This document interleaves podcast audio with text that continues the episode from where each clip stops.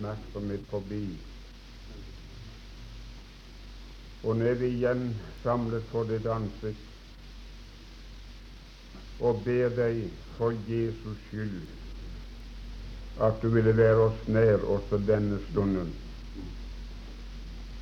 Du kan da ditt lys på underlig vis falle over et og annet ord, en eller annen sannhet som kunne bli noen av oss til trøst og til velsignelse og hjelp.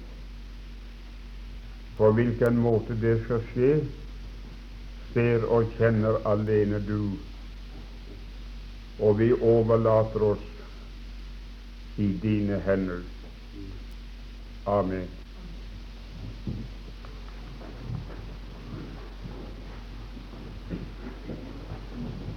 Så er vi nådd til den siste av de syv personene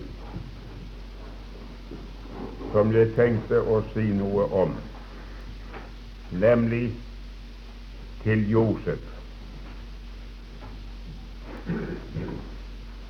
Josefs historie det er en av de fineste og de mest gripende som vi har i hele Bibelen.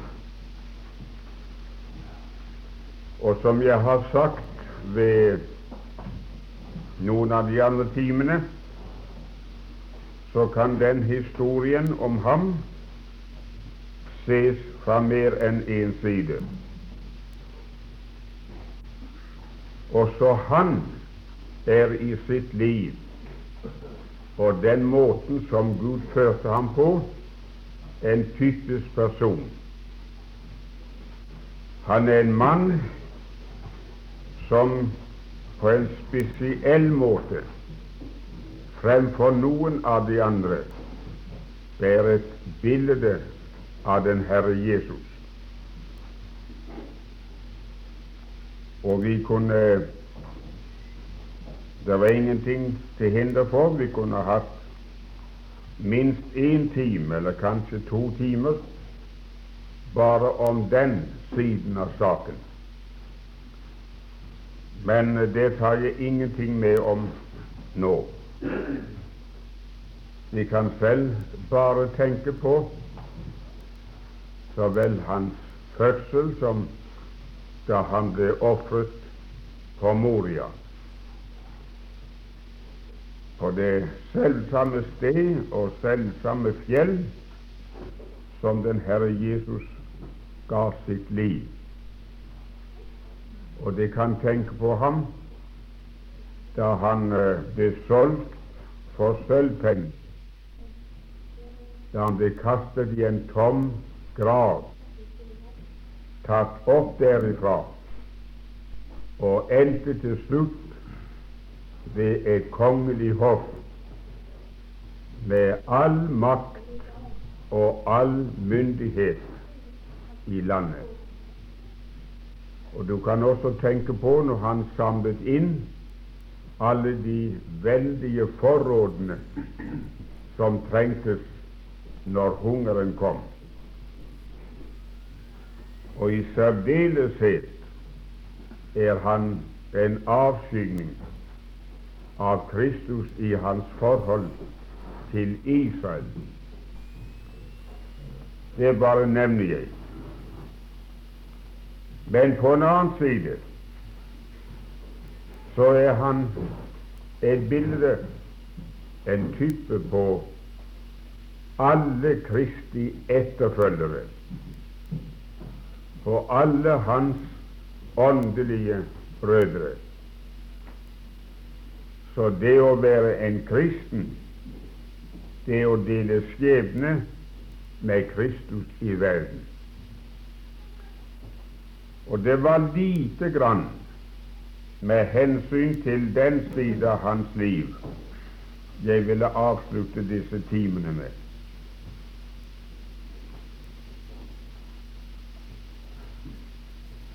Og hva det angår, så er det spesielt to ting som fremheves i hans historie. nemlig hans prøvelser. Kunne gjerne si hans lidelser. Hans lidelser, prøvelser og hans herlighet, hans herliggjørelse. Først bare noen ganske få ord med hensyn til hans prøvelser.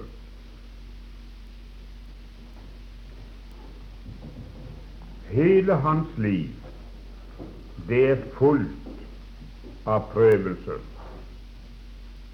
Prøvelser som ville være helt uforståelige og ubegripelige dersom vi ikke hadde et direkte Guds ord som gir oss forklaring på dem. Så det kunne stå et stort 'hvorfor' over hele hans liv. Jeg vil nok merke det om jeg ikke sier noe direkte om det.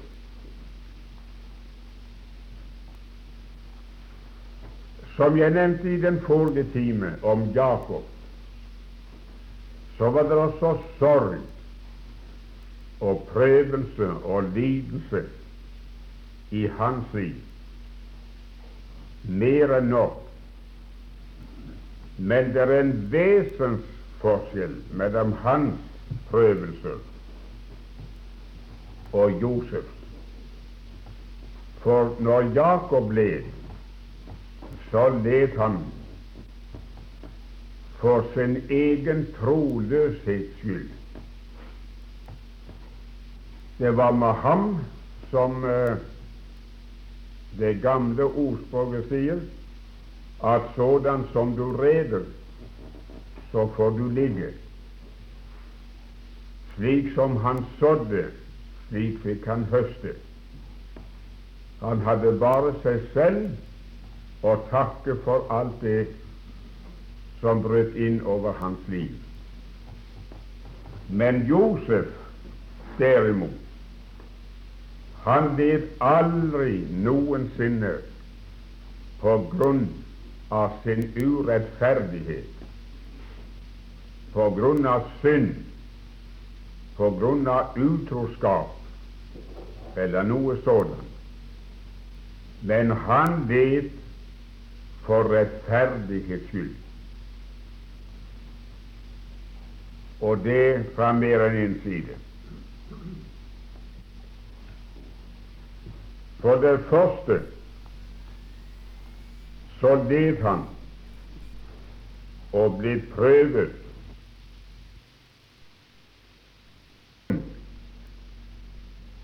av sine brødres hat.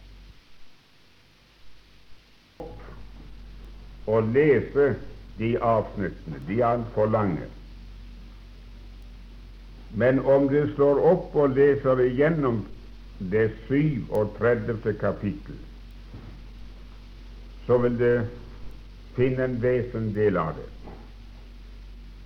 Der sies det, som jeg antydet i dag, at han blir sendt ut av sin far for å se til sine brødre.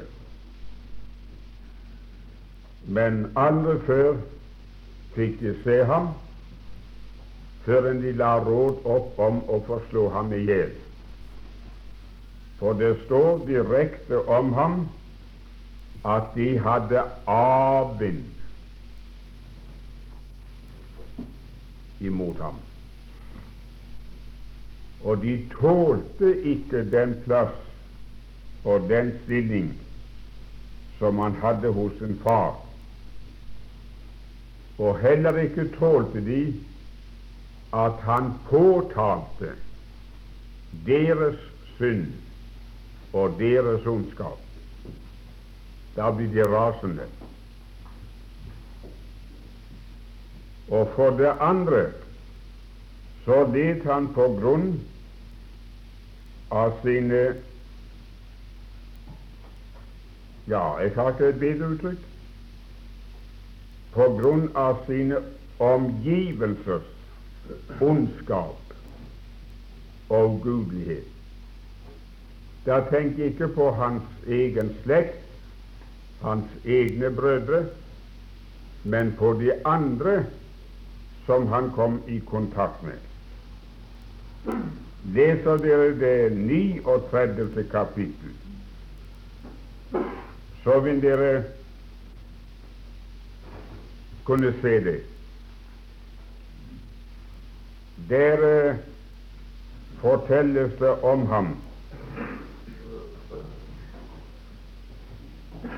Ikke bare at han ble forkastet av brødrene, men når han var kommet til hoffet i Egypten og tjente der hos munnskjenken, så ble han misforstått. Han ble gitt noen fromme, gode løfter for den tjeneste han gjorde men så står det de glemte ham. De glemte ham. Så han ventet og ventet og ventet og ventet at de gode løftene skulle bli innfridd. Men det skjedde aldri. Han var glemt og ble glemt. Og der i, i fengselet som han ble kastet i, ble han også gjenstand for fristelse og for prøvelse. Du vil lese om uh, da faraos hustru fristet ham og prøvde ham, og da han i sin uskyld og renhet ble kastet i fengsel. Og det vil lese om Men la det sier på en annen måte. Han led også på grunn av Guds førelse, på Guds uforklarlige førelse. De vil lese, om de leser sammenhengen, om de drømmene han hadde. Du husker da han drømte om de kornbåndene som kom og bøyde seg for ham. Og hvordan det gikk når han nevnte det for brødrene sine og antydet den plass som Gud hadde gitt ham, og som skulle bli hans, så raste de imot ham, og så kom det over ham. Hvorfor drømte han det?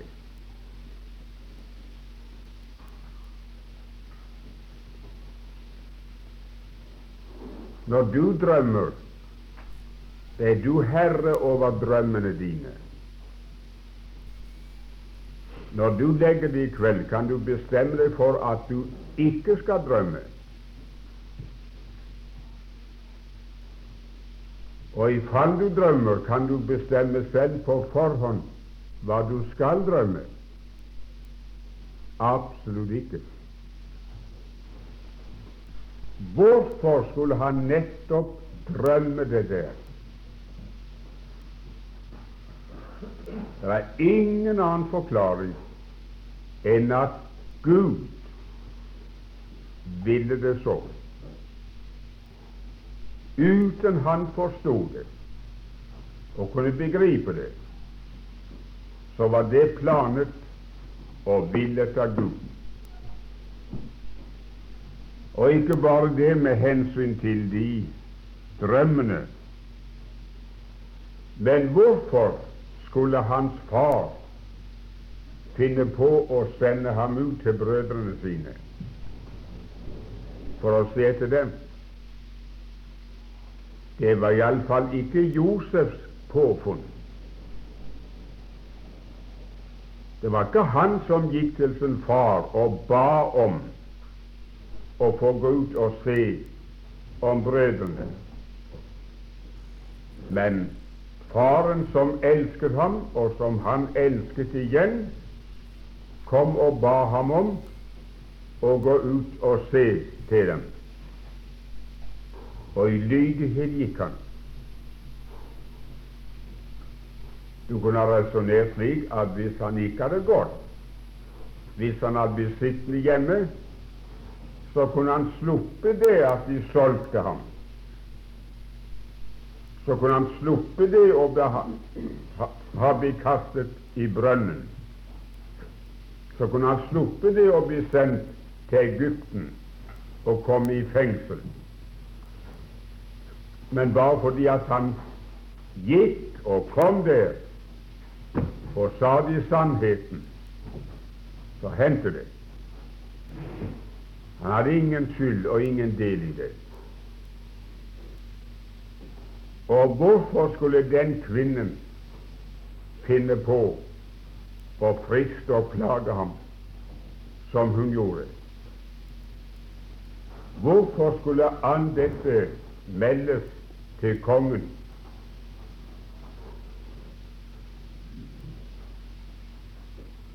Josef hadde ingen andel i det.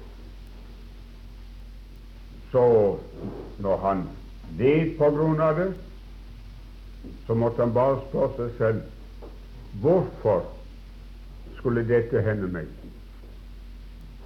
Og slik måtte han spørre, jeg vet ikke hvor lenge, men iallfall en tid, uten å få det minste svar.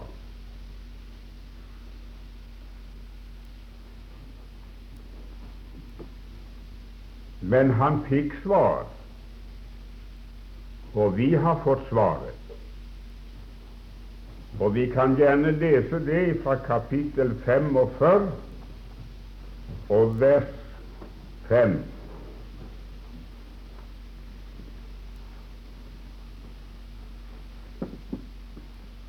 Ja, vi kan godt ta tid å lese fra første vers.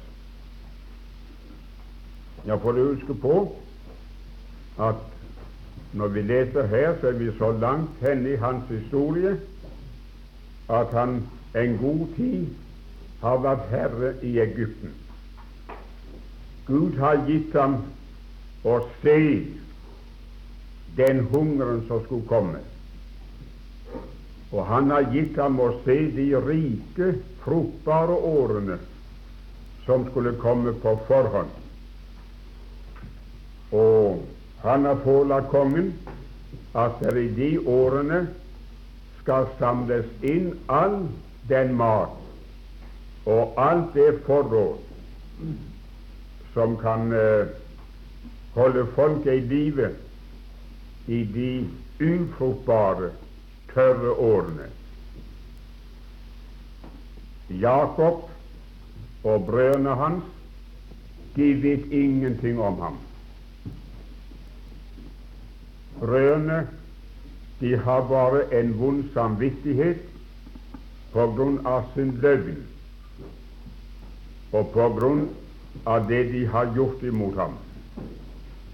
Men det er det hele. Og det er gått så lang tid at når de nå møttes, så kjente de ikke ham igjen. Når han så dem, så kjente han dem igjen. Men de kjente ikke til ham. Så står det i det kapittel om at når de kom ned igjen den andre gangen og skulle få korn og hadde Benjamin med seg, så står det da kunne ikke Josef holde seg lenger.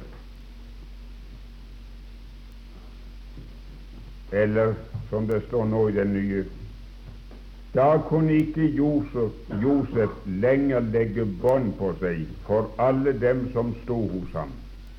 Han ropte La hver mann gå ut fra meg. Og det var ingen til stede da Josef ga seg til kjenne for sine brødre. Og han brast i gråt,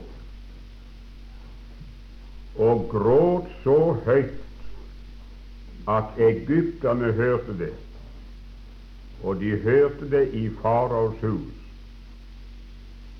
Og Josef sa til sine brødre, Jeg er Josef. Lever min far ennå? Men hans brødre kunne ikke svare ham. Så forferdet sto de der foran ham. La meg få kaste inn den tanken. Dette her, venner, det gjelder i særdeleshet han Kristi forhold til Israel. Kristus har vært solgt for sølvpenger av Israel, og han ble kastet i en grav. Og derfor reiste Gud ham opp fra de døde. Det ble ikke bare forestilt og spilt at han var død, men han døde virkelig og ble begraven. Men Gud reiste ham opp. Men etter hans oppstandelse så tok Gud ham opp til hoffet, til himmelens trone. Og der sitter han med all makt og all myndighet i himmelen og på jorden.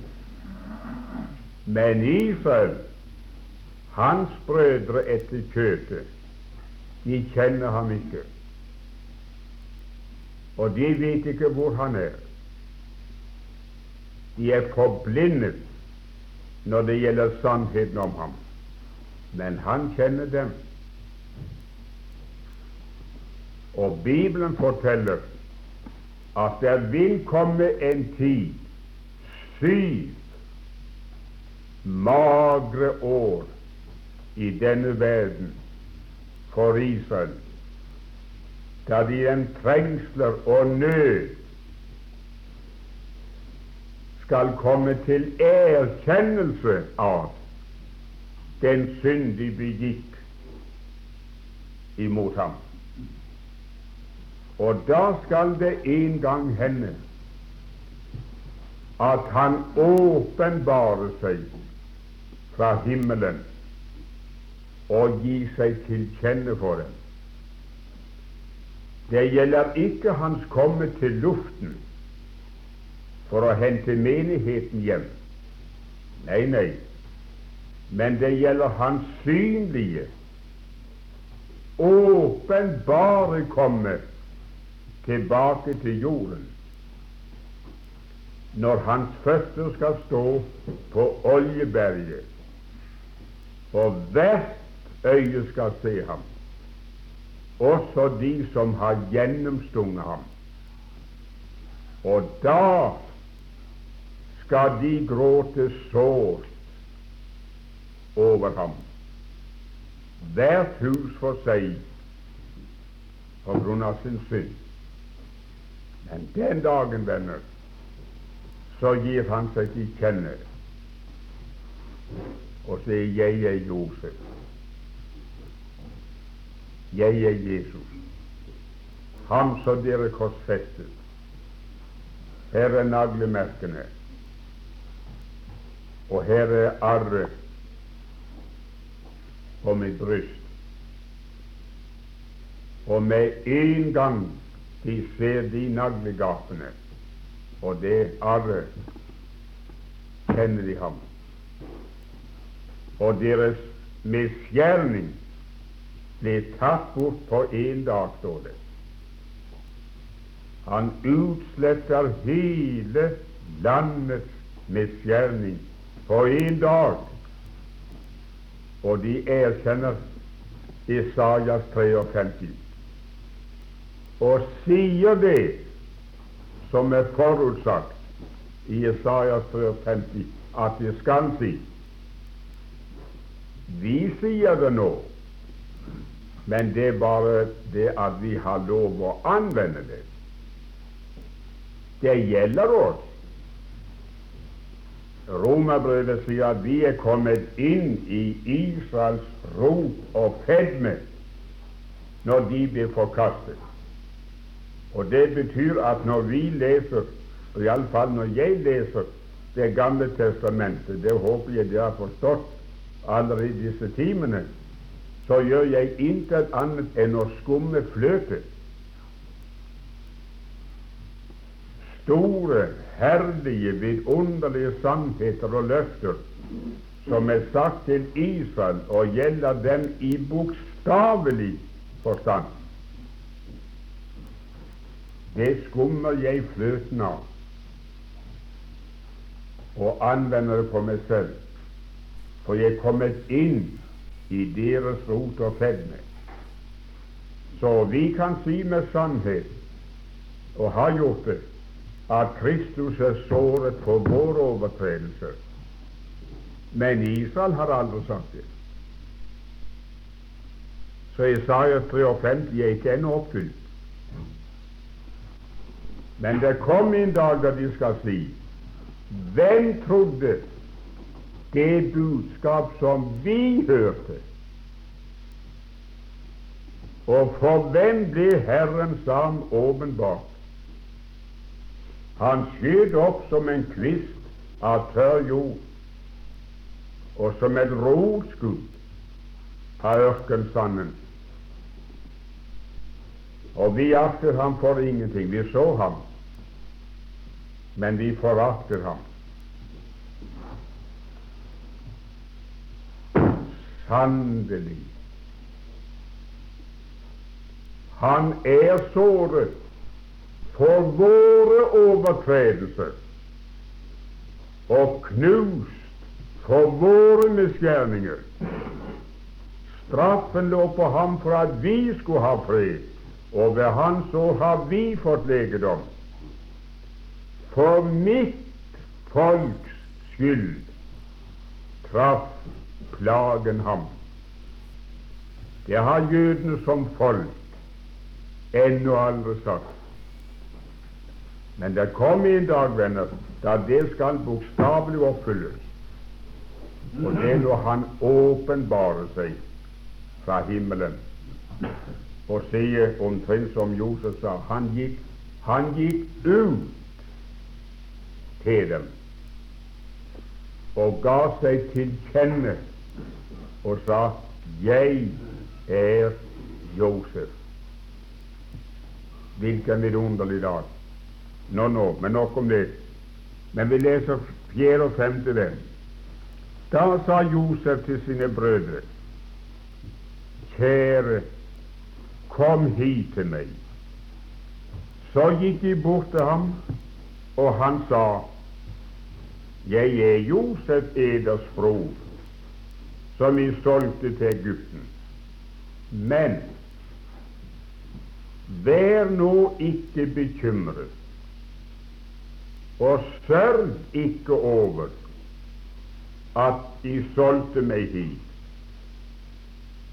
for å holde eder i live har Gud sendt meg hit i forveien for eder.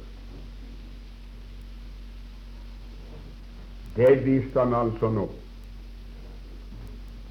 Den veien jeg har gått gjennom all prøvelse og all lidelse og alle savn og alt uforståelig. Det forstår jeg nå. Gud har ført meg den veien. Gud lot meg drømme. Gud lot min far sende meg ut til brødrene. Gud tillot at de hatet meg. Han innga dem den tanken å legge råd opp om å slå meg i hjel. Han ga dem det innfall at du skulle selge meg til de egyptiske kjøpmenn. Han sørget for at jeg ble trukket opp av vanngraven, og han plasserte meg ved hoffet i Egypten. Han tillot at munnskjenken glemte meg. Gud har ført meg hit foran eder for å holde dere i live.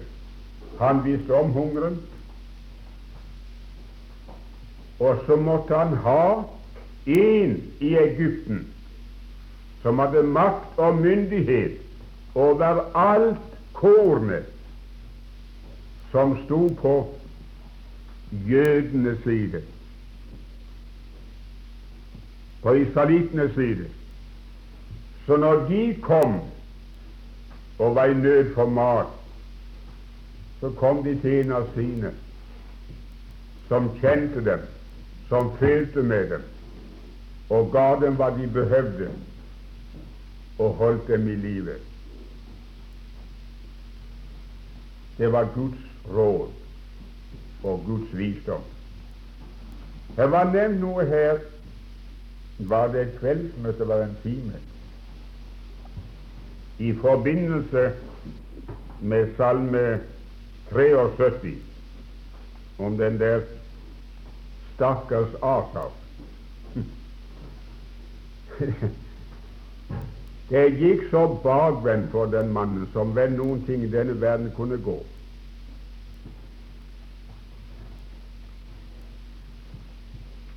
Han var en Guds mann. Gud hadde grepet ham, og han bad og holdt seg til Gud. Men så opplevde han at det menneskelig sett gikk alle de andre bedre enn det gikk ham som prøvde å leve for Gud. Og så begynte å stikke ham i nyrene. Det gjorde han vondt. Han kunne ikke for sitt liv begripe det. Og han sier at, at på lite nær så hadde de føttene mine forlatt veien. Men uh, heldigvis, det jeg tenkte og følte, det sa jeg ikke til noen. Hadde jeg talt så, sier han, da hadde jeg syndet mot Herren. Men han holdt tett med det, men led noe forferdelig innvortes med tanken på det. Og så sa han forgjeves har jeg tvettet mine hender i uskyld. Jeg har lagt vind på å handle rent og rett i all handel og vandel, og så har det gått på tverke for meg alt sammen. Så lever de andre ryggesløst i synd og snur Gud ryggen og så får de ha det vel. De har mer lykke til det de steller meg i hendene, enn jeg har. Jeg kunne ha spart meg hele møyen. Forgjeves har jeg lagt bind på å være en rettferdig mann. Og så sa han sådan tenkte jeg, og slik resonnerte jeg, og slik stakk det meg i nyrene inntil jeg gikk inn i helligdommen. Han har altså vært ute av den. Og utenfor Guds nærhet, venner, der ser vi alle ting bakvendt. I et helt feilaktig lys. Der forstår vi ingenting. Men da han gikk inn i helligdommen og ga akt på deres endelikt. De andre som det gikk så vel. Mm -hmm. Der har du det. Da gikk lyset opp for ham. Og da sa han hva her var lest av oss en kveld. Herre, du leder meg ved ditt råd. Det er ikke jeg som har ledet meg. Det er ikke jeg som har bestemt over livet mitt og planer for det. Det er du som har ledet meg. Når det har gått meg dårligere enn de andre, så er det fordi du ville det sånn.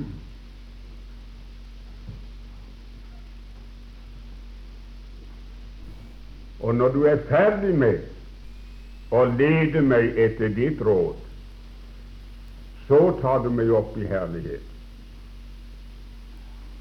Så mine gode dager, det at det skal gå meg så vel, det kom ikke over meg her nede.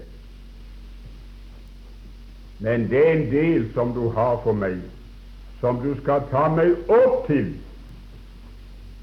etter å ha ledet meg ved ditt råd i denne verden.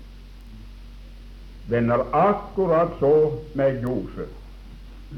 Gud ledet ham etter sitt råd. Ingen forsto det. Ingen tenkte på det. Og i så mange såre, tunge timer forsto han det ikke selv heller.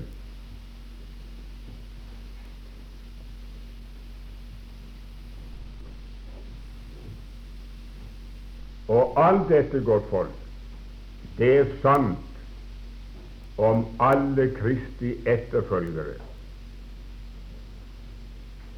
Også i deres liv, også i Nytestamentet, kommer der prøvelser og lidelser av mange slag. Og de prøver som svir mest, og som virker dypest, som har dype virkning i livet vårt, det er de som vi ikke forstår. Vi har gjort vårt beste, menneskelig og åndelig. Men det går ikke slik som vi tenkte det, og som vi ville det. Det synes å gå rent på tverke. Og så er det millioner av troende i verden som har sett opp til himmelen gjennom tårer og spurt ham, Herre, hvorfor? Hvorfor skulle dette hende meg? Så ransaker de seg, graver så godt de kan, for å finne ut om de selv er skyldige eller ei. Er det en straff jeg skal ha fra Gud? Eller er det noe jeg må ta imot som, som følge av mine foreldres synd?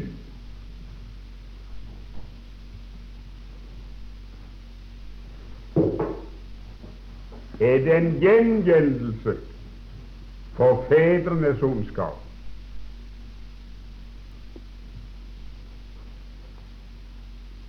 Så ser man verslige mennesker, ugudelige mennesker, troende som er svært uåndelige. Men spør om det går det godt. Jeg skal hilse og si det går fint. Gjør Gud forskjell på folk? Hvorfor handler Han så med meg?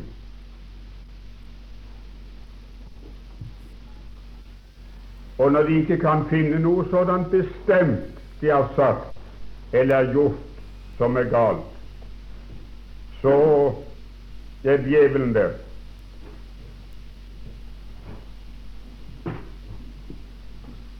Og benytter anledningen. Og dessverre, mange av dem som taler Guds ord for andre, er en støtte for djevelen i det arbeidet. Han lar spørsmålet bli født og vogne her inne. Det må være noe hemmelig galt med deg. Kan det være noe annen forklaring enn at Gud ser noe skjult, hemmelig galt hos deg, et slags hemmelig frafall som du selv ikke er klar over? Og så dukker han himmelen til. Og så lar han det komme over deg, alt dette her som svir.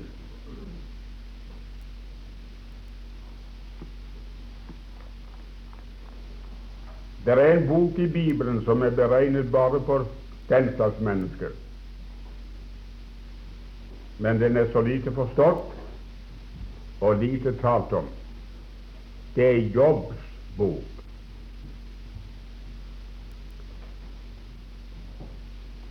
Og han hadde noen såkalte venner. Men du store tid, så kloke og så vise de var.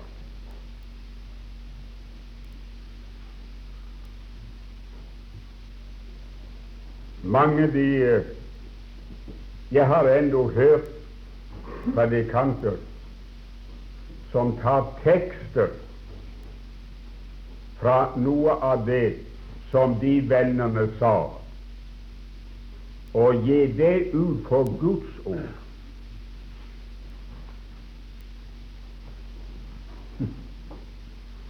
Men venner, Gud selv sa til Jobb når han ga seg de kjenne for ham disse vennene dine, de har ikke talt rett om meg.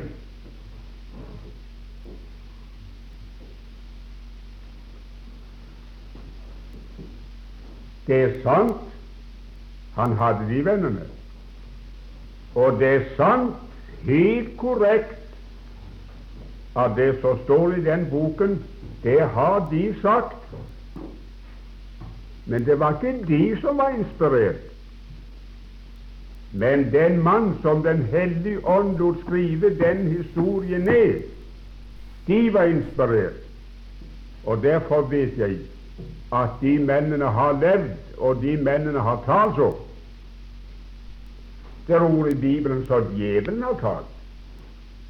Men han var ikke inspirert av Den hellige ånd. Hans ord er ikke Guds ord.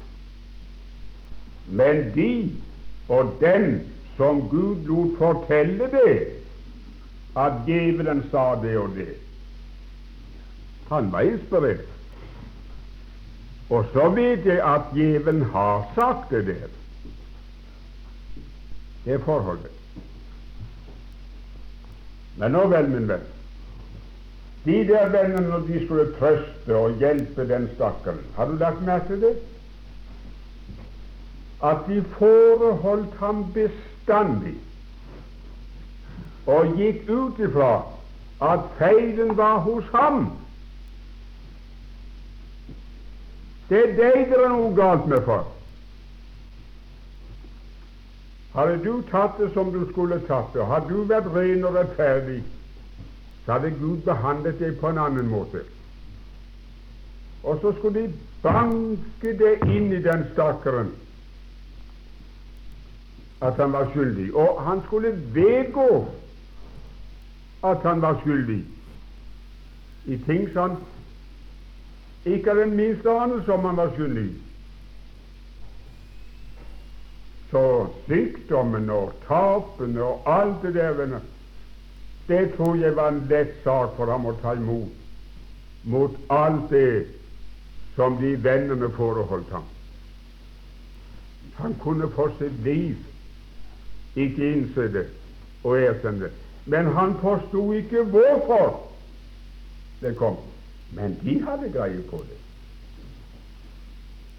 Derfor har du det, og så lenge kom du å ha det. Og hvis du tok det sånn, så ble det sånn, og så videre.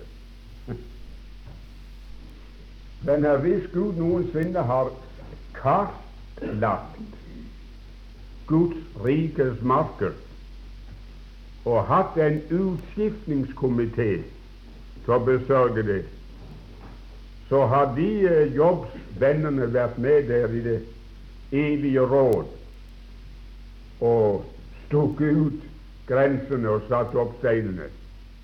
For de hadde greie på alle ting. Og jeg hører mange troende som skal hjelpe prøvde og lidende kristne. De er så vise og kloke at det renner av dem. De vet hvor, hvorfor, hvorfor de har det så, og de vet hva det skal tjene til. Og de vet så nøyaktig på hvilken måte de skal ta det. Og, og, og, og de vet nesten på, på, på almanakka og klokken hvor lenge det skal vare. Og så preker de de rundt, min venn. Og de får ingen trøst og ingen hjelp. Venner, jeg kjenner prøvde, dyp prøvde mennesker som har møtt venner, virkelige venner, som trøster dem. Men de trøster dem ved å si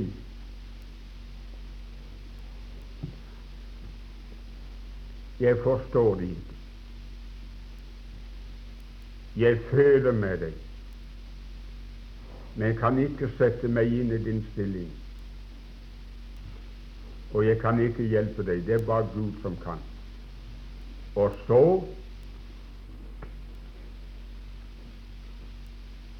bom stilt. Så plager ikke livet av en lidende, prøvet kristen med all sin visdom om hvorfor og hvorledes de tier stilt,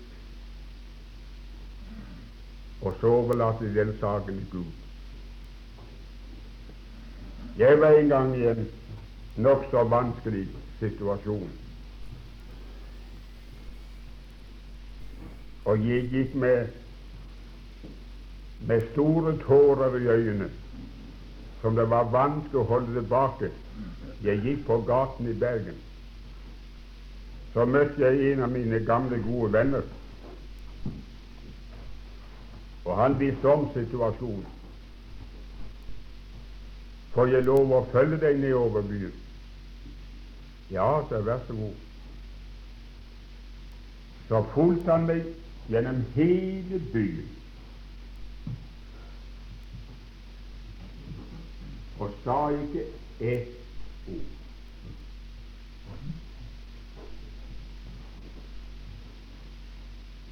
Og jeg skulle ha betalt han mange penger fordi han holdt munn.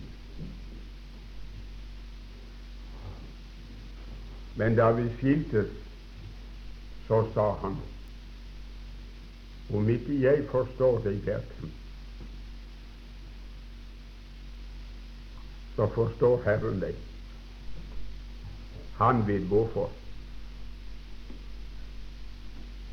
Han burde ikke si mer. I det lå der all den hjelp jeg behøvde. Folk Spar dere for all den visdommen og trøsten som det skal veilede prøvde, lidende mennesker med. For du vet like så lite hvorfor som de vet det. Jobb led ikke for sin egen skyld, men han led for Guds skyld. Gud var kommet i den situasjonen på grunn av djevelens inngrep at han måtte la jobb lide alt dette her for å rettferdiggjøre seg selv. Og det lyktes. For djevelen beskyldte Gud for at han ikke handlet rett. Du gjør forskjell på jobb og andre mennesker. Gjør med ham som du gjør med andre, så skal du se han spytter deg like i ansiktet. Snakk om at han er rettferdig. Snakk om at han er snill og gudfryktig. Det skulle bare mangle. Har ikke du hegnet om ham og hele hans hus? Så bare mangler han ikke være slik Gud. Ta ifra ham alt det gode du har gitt ham. Ribb ham. Still ham på like fot med alle andre. Skal du se, han er ikke et hår bedre han enn de. Vel, sa Gud, du kan få lov å ta fra ham alt du vil, men ikke livet. Ikke livet. Men ellers kan du rive ham for alt. Så skal vi se. Og mannen sto prøven. Gud ble rettferdiggjort. Djevelen hadde ikke mer han skulle si. Venner, mange, mange troende mennesker i denne verden, de prøves og lider, ikke for sin egen skyld, men de lider for hans skyld. Og dagen skal komme når Han åpenbarer hvorfor Han leser dem gjennom alt det uforståelige. Der er Ja, det er tiden gått, praktisk talt. Det er lidelser og prøvelser som kommer over troende mennesker av mange årsaker. Peter han sier at alle hånde prøvelser kommer over dere. Ja, noen av dere tenker på lidelse. Men det er bare det å bemerke, venner, at det er ikke to forskjellige ord for lidelse og prøvelse. Så enten det står lidelse eller prøvelse, er det akkurat det samme. På noen steder har de oversatt det med prøvelse, og på andre steder med lidelse. Somme tid passer det, og andre steder passer det ikke. Men det som Peter faktisk har fått lov å si, er at alle hånde prøvelser kommer over dere,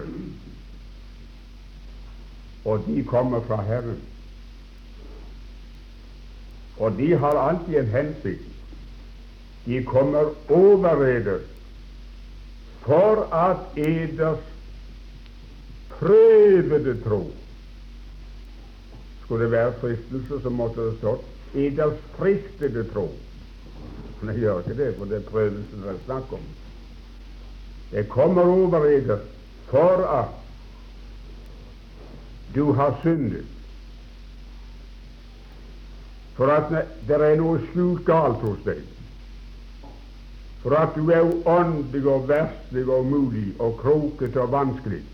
Nei, godt folk, det kommer over eder for at eders prøvede tro prøvede tro skal finnes til lov og ære og pris i Hans åpenbarelse. Gud arbeider på lang sikt. Men han er ikke opptatt med den takt, i håndklapp og de hallelujarop som han kan få av sine barn her i tiden. Nei, nei, nei, nei. nei. Her kan han være med på å se dem gråte og skrike men han tenker på Jesu Kristi åpenbarelse. Da skal den prøvede tro finne til ære og pris og lov. Da når alle gåter er løst. For som det var for Josef, skal det bli for alle hans Kristi etterfølgere. Han hadde ikke bare prøvelser, men han ble herliggjort. Det er ikke tid til å snakke om, men det ligger i det at han ble satt på tronen så høyt at far sa til ham bare hva tronen angår, skal jeg være større enn deg. Ellers er du førsteminister, statsminister, og styrer her i landet mitt. Og her er signettringen når du stempler og avgjør alle statspapirer og alle statsaffærer. Og skal noen ha noe og få noen hjelp her, så må de komme til deg. Og Så må de bøye kne for deg, og så får de hva de behøver. Det er opp til deg, det. Det var makt og herlighet og ære. Og kongen lot ham kjøre i sin nest beste vogn. Og alle som så ham, de ropte avbrekk. Bøy kne for ham, tilbe ham. Vel, min venn, Kristus som har likt denne verden og blitt prøvd som ingen annen, han er nå herliggjort ved Guds høyre hånd. Han er ikke herliggjort enda for denne verden. Nei, nei. Men det kom en dag som Gud har lovd ham. Han skal herliggjøre ham offisielt. Han skal åpenbares i herlighet. Det vil ikke si at han skal ha sånn julepynt på seg, sånn flitterstat. Nei, godt folk, men han skal åpenbares i alle de rettigheter som nå tilhører ham i hans oppstandelse og makt. Men da sier Testamentet at vi skal åpenbares med ham i herlighet. Og Paulus i Romerbrevet 8 og han er en av de troende vel i denne verden som har litt mest, iallfall i Nytestamentet. Jeg holder for Jeg, eh, jeg resonnerer så, er meningen, at de nærværende tidslidelser de er ingenting å akte imot den herlighet som skal åpenbares på oss. Vi skal åpenbares i herlighet. Og der skal også åpenbar herlighet på oss. Begge deler. Og det ord som Paulus der har brukt, betyr i virkeligheten, sier en der professor, at du ser for deg en vektskål, vektstang, og så tar Paulus alle sine nærværende lidelser og prøvelser og legger dem i den ene skålen. Og så tar han den kommende herlighet som Gud har latt ham få noe kjennskap til, og legger den i den andre skålen.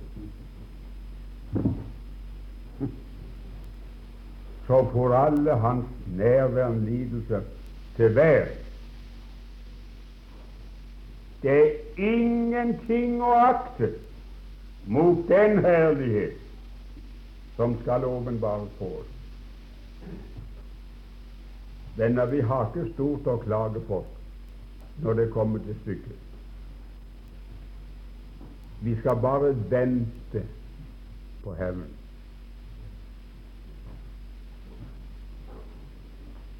Han skriver til uh, de troende ved Petrus, og sier han ydmyk eder under Guds veldige hånd, for at Han kan opphøye eder i sin tid.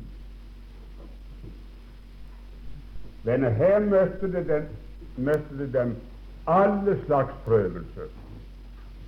Les fra vers 1 i første kapittel og brevet igjennom. Og han sier ennå til dem i kapittel 4. Det måtte jo undre dere over den ild, ild som kommer over dere til prøvelse, som om det hendte dere noe underlig. Bare finn dere til rette med det. Finn dere til rette med det. Bøy dere under det. La Gud få lov å handle fritt.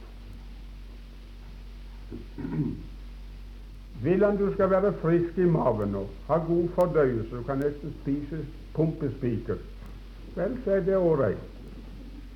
Takk han for det. Svikter den fordøyelsen, så du tåler ikke maten, finn deg i det.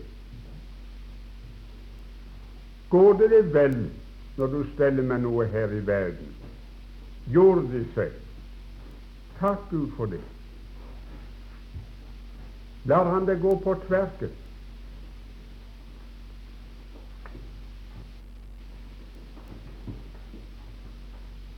Ikke en mukk. La det bare stikke i nyrene. Ikke si noe, for så synder du, og så handler du troløs. Tid.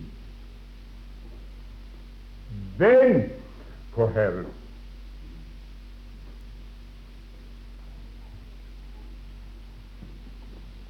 Så kommer hans dag. Så skal han oppføre i sin tid. Så kommer takken. Tenk, tenk når en gang den tåke er forsvunnet, som nå seg senker over livet ned. Nå besvaret er hvert hvorfor som her gir grunnet på. Der skal vi andre boller og sitte på Kurs, jeg tror. Ja.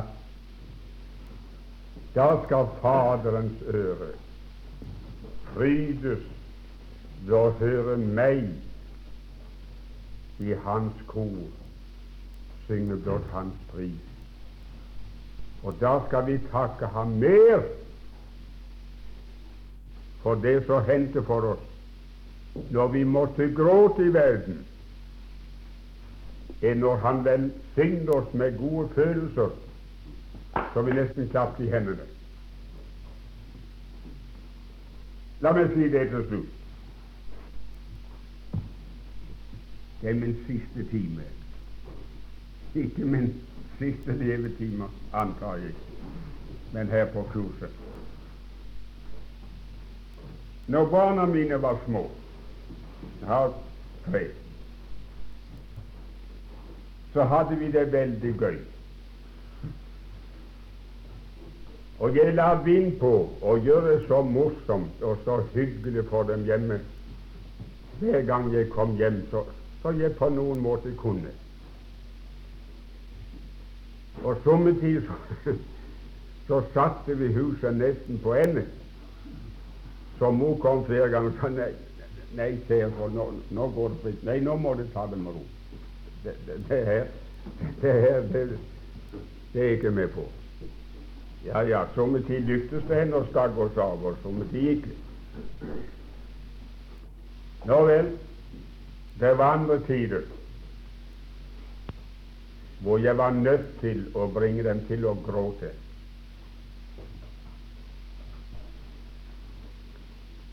Enten det at jeg sa nei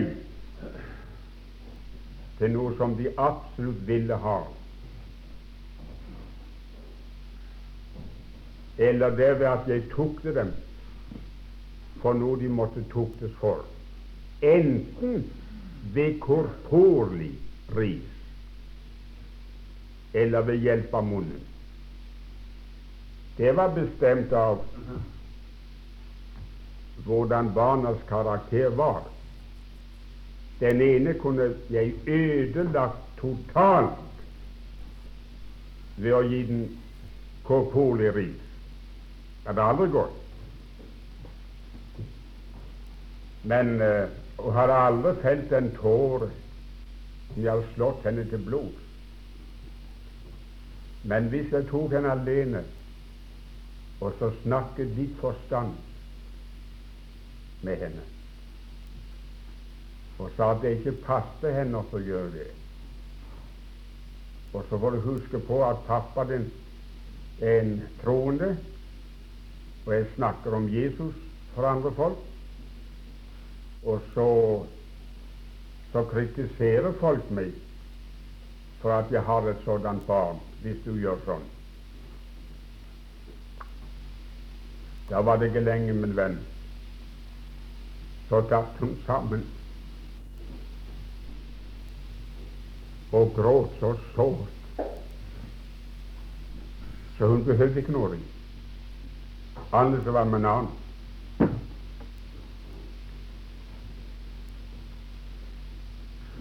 Og den ene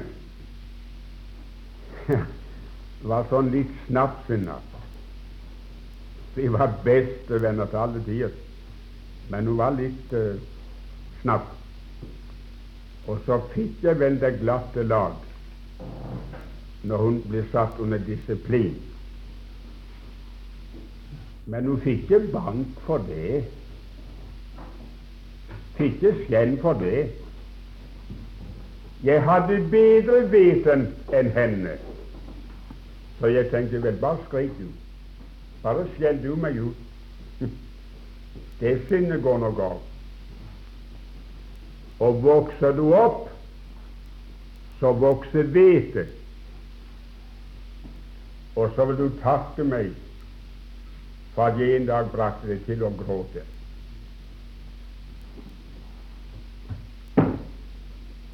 Jeg hadde 70-årsdag for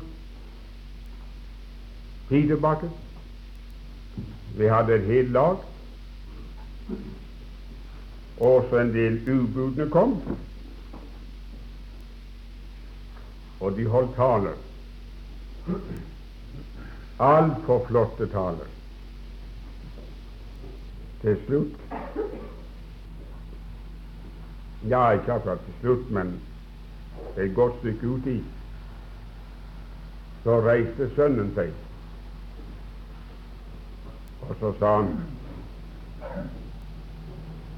det er ikke så greit for meg å si noe når det gjelder familien, og når det gjelder han far.